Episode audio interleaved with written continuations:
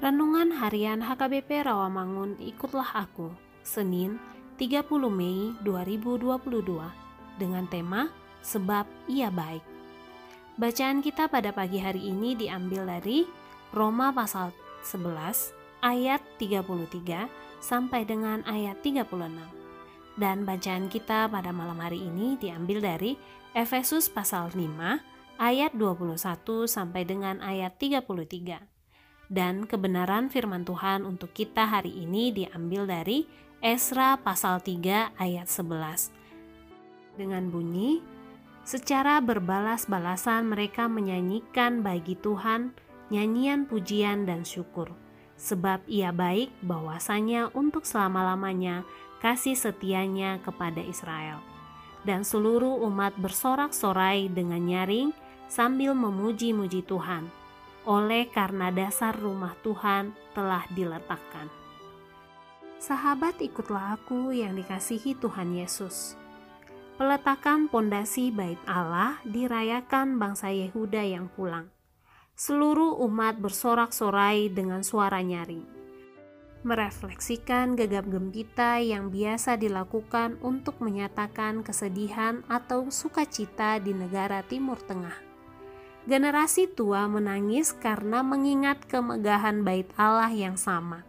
Sedangkan generasi muda begitu bergembira melihat prospek yang ada di depan mereka. Marilah kita tanamkan sikap menatap ke depan, mengharapkan apa yang akan Allah lakukan di hari mendatang. Janganlah tenggelam dalam masa lalu betapapun gemilangnya. Persembahan berupa kurban tidak lagi terjadi di dalam gereja kini.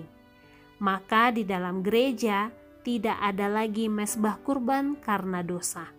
Namun, kita telah menjadi bait Allah yang hidup karena Tuhan kita, di mana Yesus Kristus telah mempersembahkan dirinya sebagai kurban penebusan yang tuntas ganti diri kita Mesbah kurban syukur masa kini adalah respon syukur dan terima kasih kepada Dia yang telah mengorbankan dirinya bagi kita. Respon syukur itu kita nyatakan dalam segenap hidup kita, yaitu dalam keseharian kita. Kiranya perenungan hari ini mengingatkan kita agar bersedia menjadi mesbah bagi Tuhan sudah selayaknya bila kita mensyukuri karya Allah yang besar itu. Bersorak-sorai, bahkan dengan mencucurkan air mata, memuji-muji Tuhan, sebab Ia baik, bahwa untuk selama-lamanya kasih setianya. Amin. Marilah kita berdoa. Ya Tuhan, jadikanlah hidup kami menjadi mesbah yang hidup memuji dan menyembah Engkau dalam kemuliaan-Mu. Amin.